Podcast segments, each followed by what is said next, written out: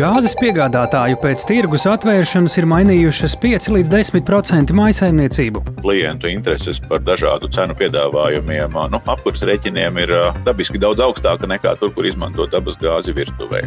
Raidījumā pēcpusdienā plašāk skaidrosim pirmās tendences un arī kā konkurence ietekmējusi gāzes cenu. Ukraiņas aizstāvjiem cīņās pret Krievijas iebrucējiem ir pievienojušies arī vairāki brīvprātīgie no Latvijas. Sarunājāmies ar vienu no viņiem, kurš diemžēl ar smagām traumām ir atgriezies mājās. Redījumā skaidrosim, vai viņš var saņemt kādu valsts atbalstu. Un šopēcpusdienā mūsu hokeja izlasēja pasaules čempionātā spēle pret Sloveniju. Cik pilnas vai tukšas tribīnes būs šoreiz? Arī par to plašāk tūdaļ ziņu raidījumā pēcpusdienā kopā ar mani Tāli Eipuru.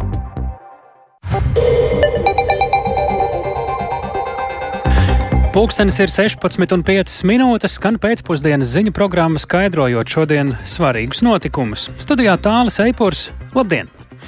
Cik aktīvi dabas gāzes lietotāji Maisaimniecībās ir izmantojuši no 1. māja atvērtā tirgus iespējas izvēlēties un mainīt savu piegādātāju. Tirgus dalībnieki secina, ka citu dabasgāzes piegādātāju pirmajā mēnesī izvēlējušies jau daži desmit tūkstoši no kopumā 370 tūkstošiem maisaimniecību. Komersanti sagaida, ka augstāka dinamika būs tuvojoties kārtējai apkurses sezonai. Jāatgādina, ka izvēlēties citu piegādātāju ikviena mājsaimniecība var līdz katra mēneša 15. datumam, un tāpēc šonadēļ varam apkopot izmaiņas mēnesi kopš cilvēki varēja izdarīt savu izvēli. Vairāk Jāņa Kīņš sagatavotajā ierakstā. Latvijā dabas gāzi izmanto vairāk nekā 370 tūkstoši mājasemniecību, lielākoties ēdiena gatavošanai, bet vērā ņemams skaits patērētāju gāzi lieto mājokļa apsildīšanai. Gandrīz 360 tūkstoši mājasemniecību bijuši Latvijas gāzes klienti. Atvērtajā dabas gāzes tirgū mājasemniecībām gāzi pašlaik piegādā trīs uzņēmumi. Latvijas gāze turpina klientiem nodrošināt dabas gāzes piegādi universālā pakalpojuma ietvaros par tirgus cenu, kas fiksēta sešus mēnešus līdz novembrim. Salīdzinot ar iepriekš regulēto tarifu, pašlaik izmaksas par gāzi ēdienu gatavošanai mazinājušās par 37%, bet apkurināšanai ar gāzi par 24%. Līdz ar gāzes tirgus atvēršanu citu komersantu izvēlējušies apmēram 2% Latvijas gāzes klientu. Tas izriet no uzņēmuma mājsaimniecību departamenta vadītājas Dienas Tivčas teiktā. Mēs tāpat laikā redzam, ka joprojām plūsma jaunu pieteikumu slēgšanai ir nemainīgā līmenī salīdzinot iepriekšējos mēnešus, un arī mēs jūtam klientu atgriešanos no citiem tirgotājiem. Tā kā jā, var teikt, ka tas ir prognozētajā līmenī, jo arī no savas puses mēs aktīvi strādājam pie papildus piedāvājuma izstrādes, tā kā tā kustība nav būtiska un ar to reiķinājamies, un tas tomēr brīvais tirgus. Konkurences iespējā par cenas mazināšanos jau šajos dažos mēnešos runā arī pārējie gāzes piegādātāji mājasemniecībām. Igaunijas uzņēmuma Estigās meitas kompānija Elenger dabas gāzes tirgu mājasemniecībām savu tarifu piedāvājumu izteica aprīlī, un pirmos līgumus ar klientiem noslēdz no māja. Pašlaik Elengera līgums par dabasgāzes piegādi noslēdzis ar apmēram 2000 mājasemniecību. Lielākoties tie ir mājokļi, kur dabasgāzi izmanto apkurei, bet arī ēdienu gatavošanai, stāsta Elengera valdes priekšsēdētājs Dāvis Skulte. Mēs to vērtējam labāk nekā bijām paredzējuši, jo tomēr mēs esam jauns un plašākai sabiedrībai bijām nezināms spēlētājs. Un, uz tā fona mēs to tomēr vērtējam kā ļoti pozitīvu rezultātu. Tas jau ir tas galvenais, kāpēc dabiskās tirgus ir atvērts, ka ir šīs izvēles iespējas un cenas arī jau veidojās atbilstoši tirgus situācijai. Un, piemēram, mēs saviem visiem klientiem, kas ir izvēlējušies šo elastīgo plānu, jau divas reizes esam jau samazinājuši cenu. Tātad viena cena bija no māja, no jūnija mēs samazinājām, un no jūlija jau arī esam noteikuši jau, jau būtiski mazāku gāzes cenu. Tas ir tā kā tam jābūt tirgus darbībā. Uzņēmums apņēmies ar laiku kļūt par nišas līderi pēc piegādātāja gāzes apjoma. Koncentrējoties uz gāzes piegādi apkurei, tas gan nenozīmē klientu skaita rekordus, piebilsta Dāvis Skulte. Par tirgus daļas audzēšanu par 20 līdz 30 procentiem runā arī trešais uzņēmums, kas piegādā dabas gāzi mājsaimniecībām. Tas ir Latvijas Energo, kas šo pakalpojumu jau kopš 2019. 2019. gada nodrošina ar zīmolu Elektrum. Dabasgāzi vēl pērnā gada nogalē tas piegādāja apmēram 20 tūkstošiem maisaimniecību, bet pašlaik šis skaits sasniedz jau gandrīz 40 tūkstošus maisaimniecību. Tas nozīmē, ka apkurss segmentā gandrīz katra piektā maisaimniecība gāzi pirkus no Elektrum, stāsta Latvijas energo pārdošanas vadītājs Uldis Mucinieks. Tas, ko varbūt varam teikt tagad, noslēdzoties nu, tādai pašai aktīvākajai tirgus atvēršanās fāzei, kad es domāju, ka tā tirgus aktivitāte bija mazliet zemāka nekā tirgus dalībnieki viņu gaidīja. Atļautos domāt, ka e, tirgotāju pašā tirgus atvēršanas brīdī nomainīja kaut kur starp 5 un 10 procentiem klientu. Noteikti lielāka aktivitāte bijusi apkuras segmentā, jo tur likumsakarīgi klientu intereses par, interese par dažādu cenu piedāvājumiem. Nu, apkuras rēķiniem ir, ir dabiski daudz augstāka nekā tur, kur izmanto dabasgāzi virtuvē. Uzņēmumi prognozē, ka atkal lielāks intereses vilnis par dabasgāzes cenām un iespējamu piegādātāju maiņu būs tuvāk rudenim un nākamajai apkuras sezonai. Nozarē arī sagaida konkurences paplašināšanos gāzes piegāda maisaimniecībām sākot piedāvāt vēl kādam uzņēmumam. Šādu iespējamību iepriekš vērtējis uzņēmums virsjā lielāka konkurence nozīmētu ieguvumu patērētājiem sagaidot izdevīgāku dabasgāzes cenu. Jānis Kincis, Latvijas Radio. Plašāk par šo tēmu tika aicinām klausīties pirmdien programmā Labrīt, šeit pat Latvijas Radio 1, tad kolēģi iztaujās klimatu un enerģētikas ministru Raimondu Čudaru no jaunās vienotības gan par gāzes tirgu, gan par Latvijas enerģētikas stratēģiju. Saruna pirmdien no rīta ap pulksteni 7 un 15. Bet kāda stratēģija pasaules lielvarām būs turpmāk attiecībā uz Krieviju? G7 valstu līderi Japānas pilsētā Hirosimā notiekošajā samitā ir vienojušies par jaunām sankcijām pret agresoru valsti, kas jau 450. dienu turpina karu Ukrainā. Sagaidāms, ka G7 samitu klātienē apmeklēs arī Ukrainas prezidents Volodimirs Zelenskis. Esam sazinājušies ar kolēģi Ulu Čēzberi, kurš ir gatavs pastāstīt vairāk par G7 valstu līderu sanāksmes pirmo dienu. Sveiks, Udi! Par kādām sankcijām pret eh, Krieviju ir vienojušies G7 līderi? Jā, labdien! G7 valstu vadītāji šodien izplatīja kopīgu paziņojumu, kurā viņi vēlreiz stingri nosodīja Krievijas nelikumīgo, neataisnojamo un eh, neizprovocēto karu Ukrainā, kā arī pauda atbalstu Ukrainas eh, cīņai pret Krievijas agresiju. Un eh, paziņojumā arī teikts, ka G7 valstis ir apņēmušās turpināt īstenot koordinētas sankcijas pret Krieviju, lai vājinātu agresoru valsts ekonomiku un grautu tās iespējas turpināt karu Ukrainā. Un, ja konkrētāk, tad G7 valstis sola liekt Krievijai pieeju savām tehnoloģijām, rūpniecības iekārtām un uh, pakalpojumiem, kas uh, ļauj Krieviem uzturēt savu, uh, kā tekstā teikts, kara mašīnu. Tāpat tikšot pastiprināti centieni nepieļaut pašreizējo sankciju apiešanu, tostarp vēršoties pret organizācijām, kas apgādā Krievijas karaspēku Ukrainā.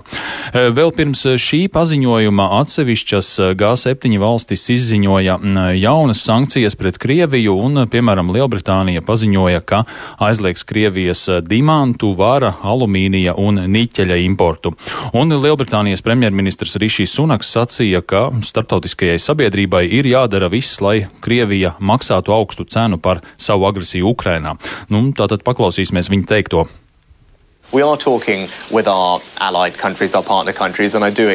Mēs runājam ar saviem sabiedrotajiem un partneru valstīm un ceram, ka tās pievienosies mūsu sankcijām, kā jau to ir darījušas visu iepriekšējo gadu.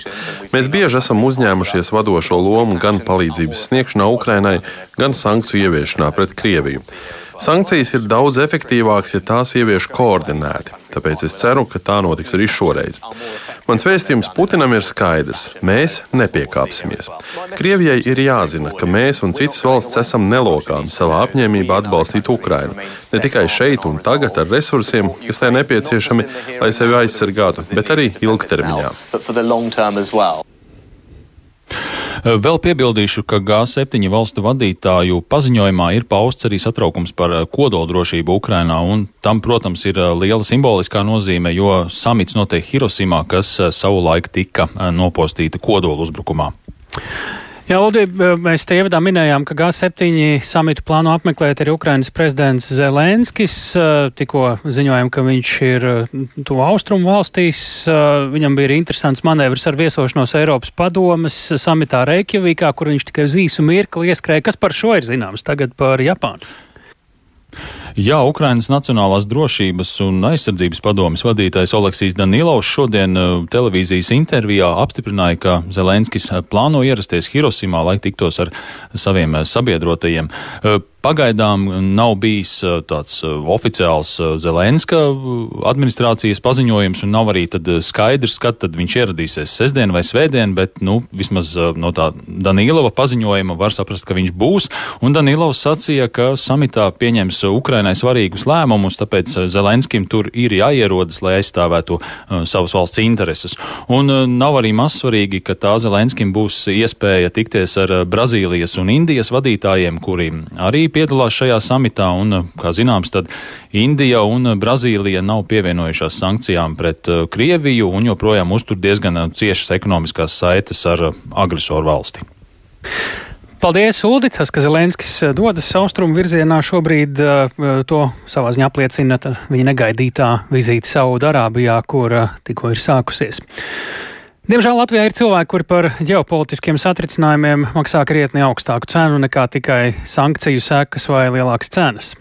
Es mācos dzīvot no jauna. Tā intervijā Latvijas radio saka latviešu brīvprātīgais karavīrs Ukrainā Uldis Volmārs. Kāsēšu bumbas sprādzienā viņš pērna frontē guva smagu kājas vēnu traumu, veselība pasliktinājās tik tālu, ka Uldim šobrīd jau ir amputētas abas kājas. Plašāk Latvijas radio korespondents Indras Prānces sižetā. Nu, šobrīd man klājās tā, ka es tagad dzīvoju pa, pa slimnīcām, man amputēja abas kājas. Tā sazvanīts Latvijā, Biķernieks slimnīcā, stāsta Uldis Volmārs. Latviešu brīvprātīgais karavīrs Ukrainā, kurš pērn frontes tūmā, kasešu bumbai sprākstot, ieguva smagus kāju vēnu bojājumus.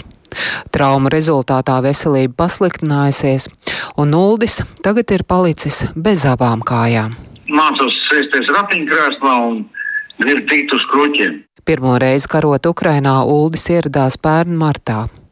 Kopā ar citiem starptautiskā bataljona brīvprātīgiem bija jāparīvas poligonā netālu no Polijas robežas, kad tas piedzīvoja bombardēšanu.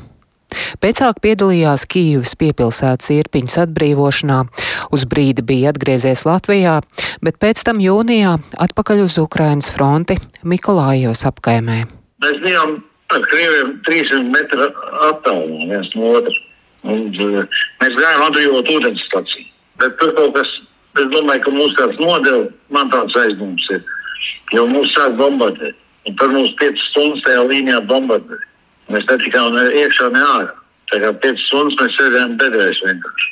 Uzprātā, kas ir bumba, mēs apstādinājām tās asins gaidīja, kamēr pierimsies, un tad gāja projām. Kasešu bumbas šķembas bija saplosījušas kājas vēnu, bet ar kolēģu atbalstu varējis izkļūt no ierakumiem. Ja man palīdzēja grūziņi, man grūziņi palīdzēja, to izdarīt labi. Sākotnēji pārvests uz vietējo kara hospitāli, bet tur tādas lietas kā asinsvadus neoperē. Tāpēc pārvests uz citu Ukraiņas slimnīcu. Tad iztaisīja pirmo operāciju Ukrainā un teica, ka ir neveiksmīgi ja taisīs otru, tad būs jāaputē kāja. Nu, es nepiekrītu, un tad es devos uz Latviju. Te man izglāba to kāju, bet tā kāja bija tāda, ka viņa ar viņu varēja iet staigāt, bet viņa nu, pilnībā nefunkcionēja. Un tad ar laiku viņai iemetās kangrēni. No kājas nācies šķirties. Nogriezt to vienu kāju, tad pagāja pusotras mēnesis, un otrā arī parādījās kangrēni. Un tad man nogriez arī otru. Tas tāds, tāds īsumā būtu. Uldim, kas visu mūžu nodarbojies ar sportu, profesionāli spēlējis badmintonu un regbiju, jaunie apstākļi ir milzīgs izaicinājums. Es tagad mācos dzīvot pa jaunu, tagad uh, cīnos dzīvot pa jaunu. Ja? Nu, tur nav ko nokārt galvu, ja es nokāršu galvu, nu, tad, tad jau vairāk nav jēgas dzīvot. Tāpēc uh, bija grūti, jā, bet es tiku pats galā. Es sportā biju ļoti ilgu laiku, un tad es cīnījos pats ar sevi, atkal kārtējo reizi. Es, es domāju, ka es vinnēju. Izaicinājumi Uldim šobrīd ir milzīgi. Nevien fiziski un psiholoģiski pielāgoties dzīvē jaunajos apstākļos, bet arī atrisināt ikdienišķas problēmas. Ulda pasē beidzies derīguma termiņš un nav arī bankas kartes. Uldis nezina, kā tikt pie tām pašreizējā fiziskā stāvoklī, tāpat ir vēl arī daudz neatrisināti jautājumi saistībā ar sociālās palīdzības saņemšanu. Vaicāts par to, kāds atbalsts viņam būtu nepieciešams, Uldis atbild šādi. Mums jau baigi labi, ja varētu noformēt to pasīšu un palīdzēt, to kā es nezinu, bet viņi jau nebrauc ārā, un tas arī tas tāpēc. Vismaz tā kaut kā. Nu, par laikam man būs tādās jālūdz kaut kāda sabiedrības palīdzība.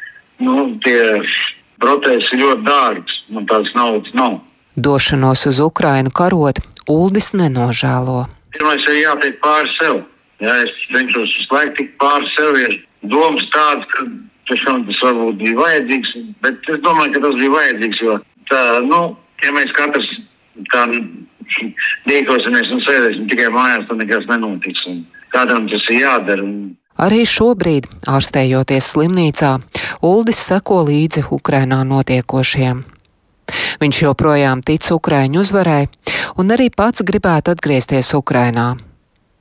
Ne tikai atpakaļ pie savas dzīves biedras, ukrainietes, ar kuru iepazinies pērnu kara apstākļos, bet gribētu turpināt darboties sporta jomā. Es esmu treneris, un es varēšu kaut ko trenēt, kaut ko darīt trenēt bērnus, palīdzēt, adaptēties atkal jaunā vidē. Kāpēc nē? Tas ir, nu, tas ir izaicinājums. Es esmu gatavs tam izaicinājumam, tikai man tagad pagaidām jātiek pašam sevi galā. Uldis ir pirmais man zināmais latviešu brīvprātīgais karotājs Ukrainā, kurš guvis tik smagas traumas. Kopumā, kopš vispārējā iebrukuma sākuma, Ukrainas aizstāvjiem cīņā pret iebrucēju no Krievijas pievienojušies nepilni 20 cilvēki taču šis skaitlis ir mainīgs, un ne visi cīnās frontē. Indra Sprānce, Latvijas radio Ukrainā. Lūk, vēl viena iespēja palīdzēt. Tātad dzirdējām stāstu par latviešu brīvprātīgo karavīru Ukrainā Uldi Volmāru, tomēr tajā paliek neatbildēts jautājums, vai un kā Latvija oficiāli ir gatava atbalstīt šādus cilvēkus. To centās noskaidrot kolēģi Agnija Lāsdiņa, ar kuru esam sazinājušies. Sveika, Agnija, stāsti, ko tev izdevās noskaidrot, kā tad ir, vai valsts atbalsta latviešu brīvprātīgos karavīrus, kas ir devušies palīdzēt Ukrainai, arī tad, ja viņiem ir šādas situācijas kā Udim Valmāram. Sveiki! Jā, jāatzīst, ka Ulda Volmāra gadījums ir īpašs un Latvijā ar šādiem nenākat bieži saskarties. Un, kā man stāstīja Nacionālo bruņoto spēku pārstāve, tad šobrīd tā situācija ir tāda, ka valsts neuzskaita brīvprātīgos latviešu karavīrus, kas ir devušies uz Ukrainu karot. Likums paredz, ka viņiem pirms došanās ir jāreģistrējas, taču nav iespējams izsekot, kurš patiesi to izdara. Turklāt šie brīvprātīgie karavīri nav vērsušies pēc palīdzības palīdzības, gan dodoties uz Ukrajinu, gan no tās. Līdz ar to tas situāciju vēl vairāk teiksim, sarežģīja.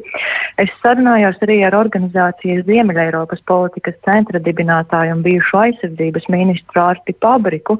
Un, uh, viņš atgādina, ka ņemot vērā, ka esam NATO dalība valsts, tad Latvija nevar oficiāli nosūtīt savus karavīrus, savus pilsoņus uz Ukrajinu karot, jo tas vienkārši nozīmētu to, ka Latvija kā valsts piedalās kara darbībā. Līdz ar to valsts nevar arī tiešā veidā par šiem brīvprātīgajiem karavīriem rūpēties un uzņemties atbildību par tiem, vai arī teiksim, izmaksāt kādas kompensācijas, jo tas tiesiski vienkārši nav atļauts. Un otrs, ko viņš uzsver, ir tas, ka no cilvēciskā faktora būtu jāatrod veids, kā to izdarīt, vai daļēji no valsts valstiskās puses, vai arī no organizācijām, kā šiem cilvēkiem palīdzēt, jo skaidrs, ka viņi atgriezīsies no Ukrainas un viņiem būs eh, piemēram kādas traumas, kā psiholoģiskās, jo tas notiek ar katru karavīru. Tāpēc Fabriks norāda, ka skaidrs, ka sabiedrības interesēs ir palīdzēt šiem brīvprātīgajiem un paklausīsimies, kā skaidro to viņš pats. Atrod veids, kā arī legāli un tiesiski no valsts puses uzreiz atbildes nav. Bet tas, ka šeit ir jāatrod veids, kā viņiem palīdzēt, tas ir pilnīgi skaidrs. Es neizslēdzu, ka, piemēram, dažādi veidi varbūt, piemēram, viņi varbūt pēc tam iestājas atpakaļ Latvijas zemesardē vai armijā, tad mums ir tiesisks pamats atkal dot. Es pieļauju viņiem kaut kādu veidu arī atbalstu un palīdzību, ja viņi ar kaut ko tādu saskarās. Nu, piemēram, un es domāju, ka šeit arī liela loma būtu tām pašām palīdzības organizācijām, tiem fondiem, kas pašlaik vāc un turpina vākt palīdzību Ukrainai. Kaut kad jau šis karš beigsies, un es domāju, ka šāda veida ziedojumus un lietas arī šīs organizācijas varētu novirzīt šiem cilvēkiem, ja tas ir nepieciešams. Arī Jānis Ratskevičs, kas palīdz Ukrainai jau kopš 2014. gada un šobrīd vada projektu Latviešu vienību Ukrainā, kas palīdz latviešu brīvprātīgajiem karavīriem stāsta, ka pēc viņa pieejamās informācijas ir zināmi šobrīd 18 brīvprātīgie karavīri, kas atrodas Ukrajinā.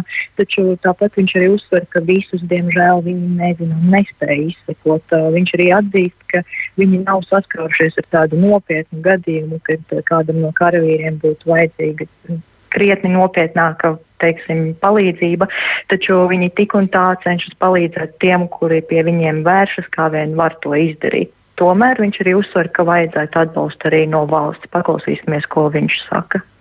Es raugos uz to, ka nav īsti pareizi, ka savai būtu jāekipē primāri. Es pat pieļauju, ka brīvprātīgo vienības varētu tikt formētas jau Latvijā, jau Latvijā apmācīts, jau Latvijā ekipētas, kā tas pasaules praksē ir bijis, kad nu, mēs tiešā veidā Latvijas bruņoties spēki nebrauc, bet Latvija ir gatava eh, apmaksāt un ekipēt apbruņot mūsu brīvprātīgo kaut kādas vienības, kuras ir gatavas doties palīgā. Ja ir ārstēšanas izdevumi un viņi ārstējās Latvijā, tad tas arī, arī būtu ar to jāatbalsta. Piebildīšu vien, ka arī Nacionālais veselības dienests un veselības ministrija norādīja, ka brīvprātīgie latviešu karavīri netiek atsevišķi izdalīti, un abām iestādēm arī nav pieejama informācija par to, kuri ir bijuši Ukrainā karot un kuri nē. Līdz ar to šie karavīri, kas atgriežas atpakaļ no Ukrainas, un ja viņiem ir nepieciešama šāda palīdzība, tad viņi saņem to tieši tādā pašā kārtībā kā pārējie Latvijas pilsoņi. Tāli. Paldies Agnijai Lāsdiņai! Tikmēr Ukraiņas frontē smagākās kaujas joprojām rit Bahmutā un ap to. Desmit mēnešu kauju laikā Krievijas labāk karojošais grupējums Wagner kontrolē ap 95% pilsētas, taču pēdējo 3-4 dienu laikā Ukraina ar pretuzbrukumiem ir atbrīvojusi ap 20 kvadrātkilometriem pilsētas. Tā šorīt kolēģim Laurim Zvejniekam programmā Labrīt sacīja Nacionālo bruņoto spēku pārstāvis majors Jānis Slaidiņš. Savukārt Kas notiek ar ilgi gaidīto Ukrainas pretuzbrukumu, un vai varētu teikt, ka tas savā ziņā jau ir sācies, par to vairāk nu, paklausīsimies slaidiņa sacītajā. Mēs noteikti neredzēsim tādu standarta uzbrukumu, vismaz sākumā, kāda pierasts ir kā pie uzbrukuma. Ja vienības šaus artilērija, Ukraiņi to nevar atļauties. Jāsaprot, ka šie Krievu karaspēks ir pietiekami liels pēc skaita, lai vienkārši iet šādu nu, upuru gājienu. Ukraiņi pieturās pie šīs pašas taktikas, ko viņi uzsāka jau pagājušā gadā pie Helsinas atbrīvošanas, tātad ar precīziem triecieniem tiek dot triecieni par munīcijas noliktavām, kaujas tehnikas koncentrācijas vietām. Un, jā, var teikt, ka tāda sagatavošanās fāze ļoti iespējams ir sākusies. Iespējams, ka Ukraiņi kaut ko gaida. Kaut kas viņiem trūkst vēl priekš šī efektīvā uzbrukuma, un nevar izslēgt, ka Krievi arī veicot šīs raķešu apšaudes ir kaut kur trāpījuši pa kādām munīcijas noliktavām, kas ierobežo Ukraiņas spēku kaut kādu darbību. Ukraiņas prezidents arī nesen vēl izteicās, ka esot nepieciešamība kādu brīdi pagaidīt. Nu, tam noteikti ir pamats, kā es saku, kaut kas iespējams trūks, vai tomēr ir Krievijas puse radījusi kādus zaudējumus, bez kā nevar uzsākt šos uzbrukumus. Cik lielā mērā šobrīd varam vērot arī rietumu militārās tehnikas izmantošanu un to sniegtās iespējas? Pašlaik, cik man ir zināms, šīs jaunformējamās vienības, kuras ir bruņotas ar rietumu kaujas tehniku, karadarbības zonā viņas nav. Tātad viņas tiek gatavotas savam tiešām pienākumam, kuri viņi ir apmācījušies. Tātad, un uh, rietumos viņi tika apmācīti taisnu uzbrukuma operācijām. Bet mēs varam redzēt, uh, kā darbojas rietumu dotās pretgaisa aizsardzības sistēmas. Patriota efektivitāte noteikti ir uh, jāpaslavē.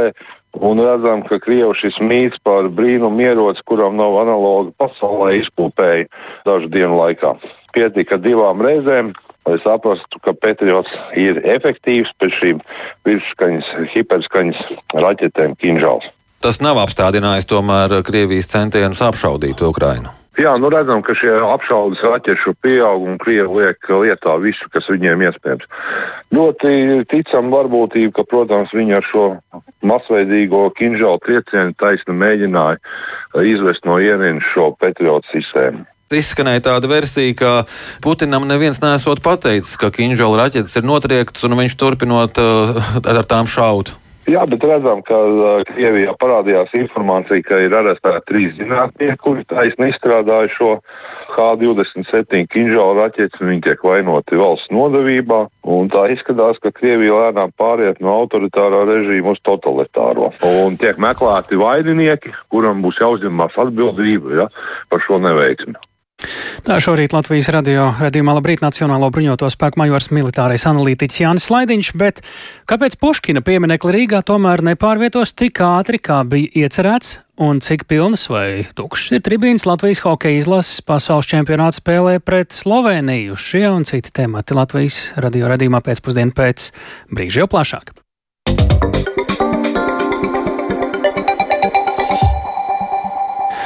Rīgā Krievu dzinieka Aleksandra Puškina pieminekli tik drīz tomēr nepārvietos, lai gan pirms vairākām nedēļām bija plānots to aizvākt jau līdz 4. maijam. Pašvaldība vispirms vēlas atrast muzeju, kas nelegāli uzstādīto pieminekli varētu pieņemt. Rīgas domē Latvijas radio šodien norādīja, ka tās pašvaldībai var prasīt divus mēnešus. Kur piemineklis varētu nonākt, klausāmies Viktora Demīdova ierakstā. Aprīļa beigās Rīgas domas koalīcija atbalstīja Krievijas tēlnieka Aleksandra Taratīnova veidotās 19. gadsimta krievu dzēnieka Aleksandra Puškina skulptūras pārvietošanu. Divus metrus augstais piemineklis gandrīz 14 gadus atrodas Kronvalde parkā, kur tas uzstādīts nelegāli. Lai gan pirms dažām nedēļām deputātu bloks Kots Rīgai aicināja domi pieminekli demontēt līdz 4. maijam, pilsētas centrā tas joprojām atrodas. Turpina vicemēra Linda Ozola no deputātu deputātu bloka kods Rīgai. Plāni nav mainījušies, ir atšķirīgi domas koalīciju veidojošo frakciju viedokļi. Un tas traucē jums jau, respektīvi. Tas uh, ir iemesls, kāpēc viņš vēl joprojām atrodas uh, pilsētvidē. Mm -hmm. Bet neatkarīgi no tā jūs ejat uz savu mērķi. Jā. Tieši tā. Vicemēra apgalvo, ka Puškina piemineklis no Kronvalda parka būs pārvietots drīzumā, taču kad tas būs, koalīcija drošības apsvēruma dēļ nevēlas atklāt. Pašvaldība meklē iespējas, kur tas varētu atrasties, stāsta pilsētas attīstības komitejas vadītāja Inese Andersone no jaunās vienotības tiek meklētas iestādes, kas varētu ņemt pretī Puškina pieminiektu un arī izstāstīt kopā ar pieminekli šo Krievijas maigās varas metodi, kā pievedināt Latvijas sabiedrību caur šādu te pieminekļu, nu tādu nesankcionētu izvietošanu jātelpā. Nesam vēl saņēmuši no visām atbildes, tad, kad būs atbildes, tad uh, to apkoposim un virzīsimies uz priekšu ar nākamo soli. Visdrīzāk tas tiks atrisināts tuvāko divu mēnešu laikā. Puškina piemineklis savā paspārnē nevēlas ņemt Latvijas Nacionālais vēstures muzejs un Rīgas vēstures un kuģniecības muzejs, kuros atbildēja, ka skulptūra neatbilst muzeja misijai. Savukārt Latvijas okupācijas muzejā atzina, ka oficiālu piedāvājumu no domas nav saņēmuši. Kad tas būs, muzeja krājuma komisija to vērtēs. Turpretim interesi izrāda Latvijas Mākslinieku savienība, kura norāda, ka Puškina piemineklis ir mākslas vērtība. Turpina organizācijas prezidents Igors Dobičins. Interesanti, kā profesionālajai organizācijai, kā profesionālai izpētei, kā veido mūsu kolēģi reģionā. Ja, jo šī gadījumā Krievijas realismu pazīmēm pie mums jau atrodas Rīgas sadraudzības piemineklis, skulptūra Jāņaguns. Domāju, ka arī šī skulptūra nonākot muzeja krājumā, tā būtu tīra laba liecība gan laikmetam, gan, gan telniecībai, gan, gan vēstures izpētēji. Mums ir diezgan plaša ekspozīcijas vieta Gaujas ielā. Domāju, ka tā arī būtu vieta. Savukārt par latviešu rakstnieka Andreja Upīša un padomju matemātiķa Stislava Keldiša pieminekļa tālāko likteni lems pilsētas attīstības komiteja, kas spriedīs arī par piemiņas plāksni Latvijas komunistiskās partijas pagrīdes tipogrāfijai un vēsturniekam Jānim Zutim.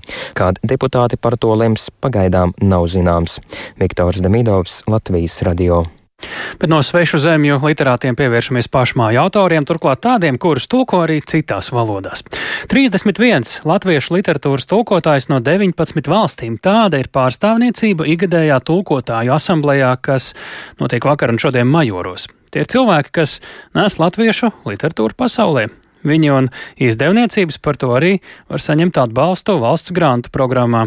Ties ikdienā šie tulkotāji bieži vien strādā pavisam citās profesijās. Kāpēc no visām pasaules malām jālido uz tulkotāju asamblēju Latvijā? To noskaidro devās Ieva Puķa. Cik stundas eh, tu pavadīji lidojot uz Latviju? Lai, lai Šoreiz caur Istanbulu eh, kopumā 18 stundas. Bet nekas. Ajumi Kurosava uz tulkotāju akadēmiju ceļojusi vis tālāk, no Japānas, bet latviešu tik labi runā tāpēc, ka 16 gadus nodzīvojusi Latvijā. Pēc atgriešanās Japānā pievērsās latviešu literatūras tulkojumiem, nesen pārcēla japāniski Noras Ikstenes grāmatu Mātes piens, bet pat labam darbojas ar japanologa Edgara Kataja atmiņu grāmatu Zem desmit valstu karogiem. Gan es tulkoju, gan es uh, pasniedzu latviešu valodu Japāņiem. Mēs ar latviešu valodu mm, studējošiem kopā lasām tagad lāčplēsi. Ar vienu japāņu meiteni lasām imanta ziedoņa krāsainas pasakas. Vienu vecu kundzīti lasām latviešu teikas. Tādā veidā es sevi arī trenēju. Ikdienā daudzi no tulkotājiem cīnās ar latviešu valodas izaicinājumiem pilnīgā vientulībā, bet Tulkotāju akadēmija ir iespēja satikties, apmainīties lingvistiskiem padomiem, pastāstīt par padarīto un uzzināt pēdējos jaunumus latviešu literatūras jomā. Majoru viesnīcā, uz kurien tikšanās no Rīgas vajadzēja pārcelt hokeja čempionāta dēļ, ieraugu arī Igauni, kurš pazīstams ar pseidonīmu Kontra. Briseles francūzi Nikolā Ozano un lietuvieti Lauru Laurušaiti. Pirmais runā kontra. Man tā, tā, tā sanāksme, to, to kā es Es, es tādu varu apstiprināt to, ka es ļoti, kaut ko ļoti svarīgu daru. Un arī mācību, protams, jo, jo reizēm kaut kādām atšķirīgām valodām ir atšķirīgas problēmas, tomēr kādi tur sakrit kopā. Viņa tulkojumā Igaunijā nesen izdota Laura Gundara bērnu grāmata Sveiki Vali. Pat labam topot vairāki darbi, arī Andra Kalnozola kalendārs mani sauc, bet Nikolā Ozono pirmdien Francijas institūtā atklās Kārļa Vērdiņa dzējas krājuma pieaugušie izdevumi franču valodā. Atzējošana, tas ir, protams, sarežģīti, tāpēc ir, jā, ir jāsaprot ne tikai vārdus, bet arī uh, ritmi un, un, un prozodija un tā tālāk. Un, un, uh, Un, protams, tas ir vienmēr tāds bīstams spēlē. Tad, ka, nu, kad tu sāki to procesu, tad tu nezini īsti, vai tas dziedās vai nedziedās. Tas ir, bet tas bija ļoti prieks to darīt. Un, uh, un viss tas atzīšanās process bija, bija ļoti patīkams un skaists. Savukārt Laurai Laurušai te ir pavisam īpašs vēstījums. Lietuvas literatūras tūkotāju savienība ir pasludinājusi šo gadu par latviešu literatūras gadu. Viss e, šīs gads būs veltīts latviešu literatūrai. Mums ir paredzēti daudzi pasākumi, autoru vizītes. Mums notiks akadēmiska konference un jau bija lasījumi veltīti Rīgai un e, Rīgas un Virnes dzējai. Notikuma bilanci savēl Rita Dementjeva, latviešu literatūras eksportam izveidotās programmas Latvijas literatūra projektu vadītāja. Tas ir tāds absolūts brīnums, ka ierodas tulkotāji no Japānas, no Amerikas, no Armēnijas, no Eiropas, un viņi visi runā latviešu valodā. Un šogad, piemēram, mums ir īpašs notikums, ka uh, tulkotāju tikšanās reizē piedalās Guna Kalniņa, kura palīdz tulkotājiem tieši domājot no latviešu valodas perspektīvas, kas ir tās lietas, ar kurām viņi īsti netiek galā. Vakardien pie mums bija trīs autori - Andris Kuprišs, Andris Kalnozos un Signaviška. Kuprišam Andrim iznāca pagājušā gada nogalē stāstu krājums vācu valodā. Andris Kalnozos ar, ar, ar, ar grāmatu kalendārs mani sauc. Šobrīd ir tiešām mūsu absolūtā zvaigzne un viņu tulko un tulkos vēl. Šodien vēl programmā paredzēta tikšanās ar Latvijas izdevējiem, bet jau rītdien tulkotāji dosies projām. Lai turpinātu cīņu ar latviešu leksiku un gramatiku, kas tomēr viņu ikdienai piešķir pavisam citu vērtību. Ieva Puķe, Latvijas radio. Bet viena no universālākajām valodām pasaulē ir sports. Latvijas hokeja izlase turpina cīņu par iekļūšanu pasaules hokeja čempionāta ceturdaļfinālā, un tieši šobrīd tieks ar Sloveniju. Latvijai līdz šim bagāžā ir zaudējums kanādiešiem un slovākiem, un uzvara pagarinājumā pret čekiem un pamatlaikā pret norvēģiem. Un Latvijas šī brīža pretinieki, Slovēņi, vēl vakar krietni pakutināja nervus čehiem, lielu spēles daļu esot vadībā pret viņiem, kā arī spēja iemest divus vārtus zaudējumā kanādiešiem. Šobrīd Arēnā Rīga Latvijas piektajai spēlē turnīrā sako Māris Bergs. Sveiks, Māri! Kā tad ir sākusies spēle pret Sloveniju? Kas sargā mūsu vārtus? Sastāvs pēc uzvaras par Norvēģiem nevainīgs? Sveiks, tālāk, sveicināti klausītāji. Iesim pēc kārtas un pa punktiem par to, kā ir spēle sākusies. Tad šobrīd vēl jāspēlē pirmajā periodā septiņas minūtes. Un uh, pirms burtiski pāris minūtēm Latvijas izlase atklāja rezultātu. Rihards Bukārts izcēlās ar precīzu metienu. Mūsējie ātri pārgāja viduszonu, ieslidoja uzbrukuma zonā. Tur uh, Andris Džeričs devās uzbrukumā un uh, deva piespēli šķērsām zonai uz tālo vārtu stabu. Tur piespēli atrada nepiesāktu Rihards Bukārts, kuram jau atlika tikai iemest trim tukšos vārtos, un viņš arī nekļūdījās, eh, atklājot spēles rezultātu. Kopumā mūsējie ir pārņēmuši iniciatīvu, vairāk kontrolē ripu, vairāk vērtīgi savus uzbrukumus, eh, ir bijuši vēl vairāk bīstami momenti, taču jāatzīst, ka arī Slovenijas izlase ir atbildējusi ar vairākiem asiem pretuzbrukumiem vienā no epizodēm. Viņi mazākumā izskrēja vienatnē pret vārdsargu, taču tur Artūrs Šilovs glāba, un tas ir, tā ir atbilde uz tavu jautājumu. Artūrs Šilovs arī šajā spēlē ir vārtos Kristēns Kuļļevskis rezervē. Un, jā, tālāk varbūt var atkārtot, kāds vēl bija tavs jautājums. Man, man vēl ir daudz jautājumu, bet uh, skatoties iepriekšējās Latvijas un Slovenijas spēles šajā čempionātā, jo lielākā daļa maču vēl ir tagad priekšā, kas varētu būt tie atslēgas punkti, uh, kā turpināt uh, spēlēt veiksmīgi pret Sloveniju. Jā, pirms mača aprunājāmies ar vienu no treneru asistentiem, ar Raimondu Vilkotu. Viņš uzsvēra, ka viens no uzdevumiem šajā spēlē ir pašiem pārņemt iniciatīvu. Tas mūsējiem ir izdevies. Tāpat Latvijas izlasē tiek uzsvērts, ka ir jāspēlē ātri, jācenšas izprovocēt noraidījumu, respektīvi jāspēlē tā, lai pretinieki būtu spiesti pārkāpt noteikumus pret mūsējiem, jo Slovēņiem ir viens no vājākajiem mazākumiem čempionātā. Viņi neutralizējuši tikai 56% mazākumu. Septiņos no 16 gadījumiem Ripa ir ielidojusi viņu viņu vārtos.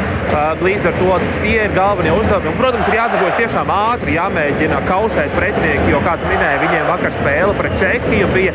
Un, gribot, negribot spēlē, jo divas dienas pēc kārtas kaut kur noguruma faktors parādīsies un būs aktuāls.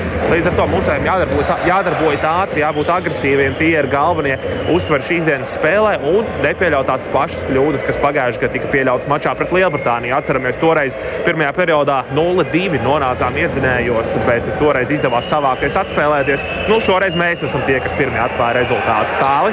Nu, jācer, ka Slovēņi nesavāksies un neatspēlēsies, bet turnīra tabulā katra spēle šobrīd mums ar vienu izšķirošāku reāli par atlikušo vietu uz ceturdaļu finālu. Nu, tā var teikt, cīnās Latvijas un Slovākijas izlases. Slovākijai Mēs jau savstarpējā spēlē esam pamanījušies zaudēt, un viņiem priekšā ir spēles ar uz papīra tādiem vājākajiem - Kazahiem, Norvēģiem, Slovēņiem.